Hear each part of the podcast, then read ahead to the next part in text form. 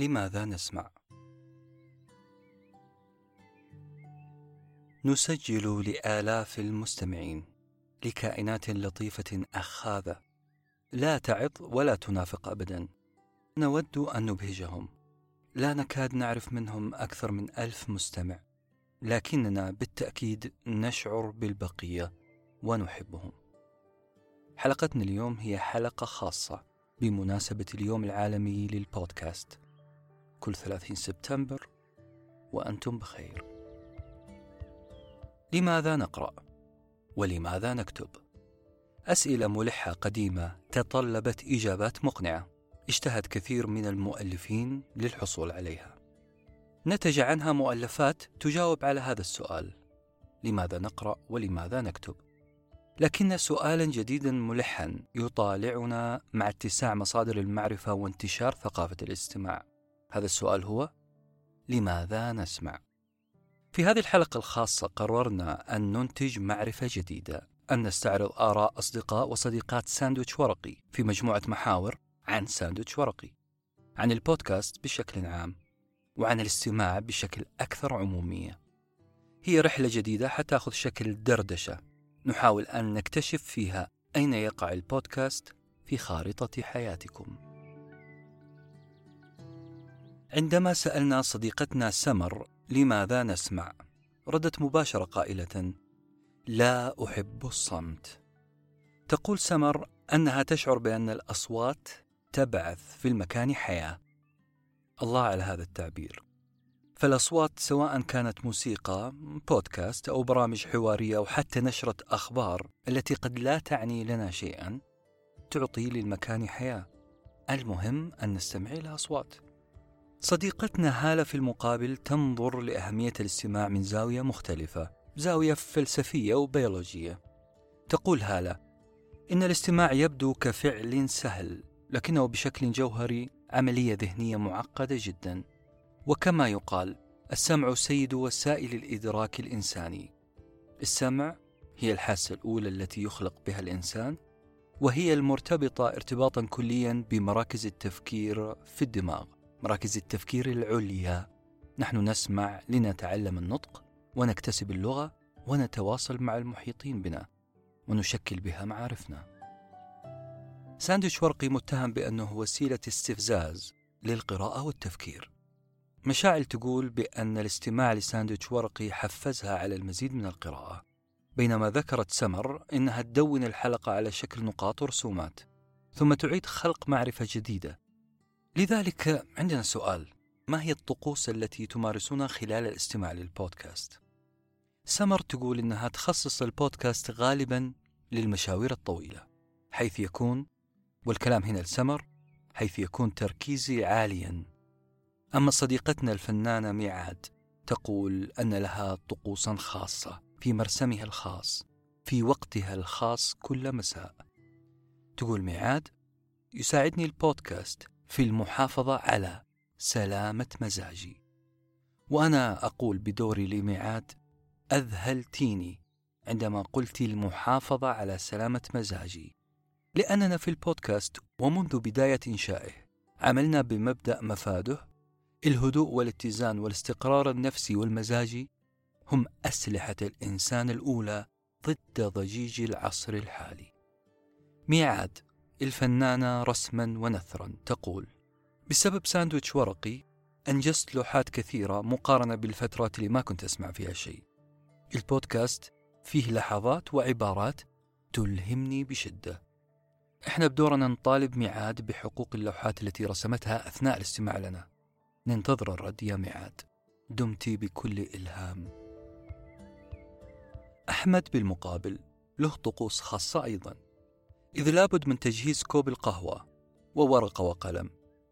يقوم بتدوين المعلومات خاصة إذا كانت الحلقة إذا كانت وجبتنا دسمة جدا. اختار أحمد الجو الهادي تماما وقال أحب أن أسمعكم وأنا في إطلالة على شرم ينبع. بدورنا نقول لأحمد لا أجمل ولا أنقى من شواطئ ينبع. ينبع التي أتمنى زيارتها في فصل الشتاء. أعتقد أنك فاهمني أحمد. أعتقد ذلك. وبمناسبة الكلام عن أماكن استماعكم للبودكاست فإن مها وبسبب طبيعة عملها الإدارية اللي جعلتها تقضي وقت طويل بين الأوراق وجهاز الكمبيوتر اختارت أن يكون ساندويتش ورقي بمثابة المستشار لها. تقول مها حلقة لست نيرون. تساعدني كل فترة على أن أعرف كيف أحقق انتصارات في العمل بدون إحراق روما. تكمل مها كذلك كنت ولا زلت أتعلم من حلقة فن الحرب كيفية مواجهة الناس والخدع الحياتية اليومية. هذا البودكاست هو أسلوب حماية في عملي وطريقة تغذية فكرية في حياتي. ننتقل لمعرض الرياض. معرض الرياض الدولي الكتاب اللي شاركنا فيه 2018 كتبت لنا صديقة أنه ساندويتش ورقي هو رفيقي في الباص رقم سبعة وقطار الدمام الرياض.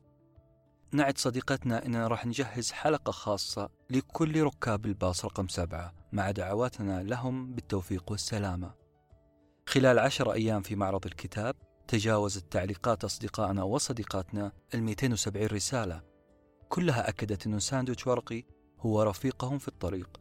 ونقول لهم إحنا الكسبانين بهذه الرفقة. أحد الأساتذة عضو في مجلس الشورى زارنا في الجناح. وقال كل يوم أسمعكم الصباح وأنا أمشي. كثير من الأصدقاء والصديقات جعلونا جزء من صباحهم في المشي أو التمارين الرياضية. لذلك تماشيا مع مود أصدقائنا قررنا تجهيز مكتبنا بأجهزة سير كهربائي للمشي وعقد اجتماعاتنا وقوفا تضامنا مع مستمعين الرياضيين. أعتقد أكثر من كذا تضامن ما فيه. يشير موقع The Odyssey Online. إلى خمسة أسباب تجعل الناس عموما تستمع للبودكاست وهي رقم واحد البودكاست مصدر عظيم للمعلومات. رقم اثنين البودكاست فكاهي خفيف فالجمل أبسط والأسلوب أسهل وألطف. ثلاثة البودكاست خيار بديل أو موازي للموسيقى في أوقات الفراغ. رقم أربعة البودكاست هو صديق يحادثك في شتى أمور الحياة. ويرافقك في رحلاتك. رقم خمسة البودكاست مناسب للأشخاص الذين يملون من القراءة. يعني البودكاست أشبه بالحكواتي الخاص. موقع آخر هو موقع Backyard Media حاول يشرح أسرار تعلق الناس بالبودكاست. وقال في ثلاث أسرار رئيسية. السر الأول أن البودكاست يمثل لهم مصباح علاء الدين. 70% من إجابات الناس اللي شاركوا في استبيان عمله الموقع قالوا إنه البودكاست ينهي حالة الزمكانية. يعني انتهى أن تحصرني الظروف في بقعة معينة وفي زمن معين عشان أشاهد أو أسمع شيء معين. السر الثاني هو شعور الألفة بين البودكاست والمستمع. سبق وقلنا في مقابلة على قناة روتانا أن الإذن تعشق قبل العين أحيانا. علاقة المستمع بما يسمع مميزة فهم عاشوا سويا فترات طويلة وأحداث كثيرة فهل تشعرون بهذه الألفة؟ إحنا نشعر فيها. السر الثالث الثقة.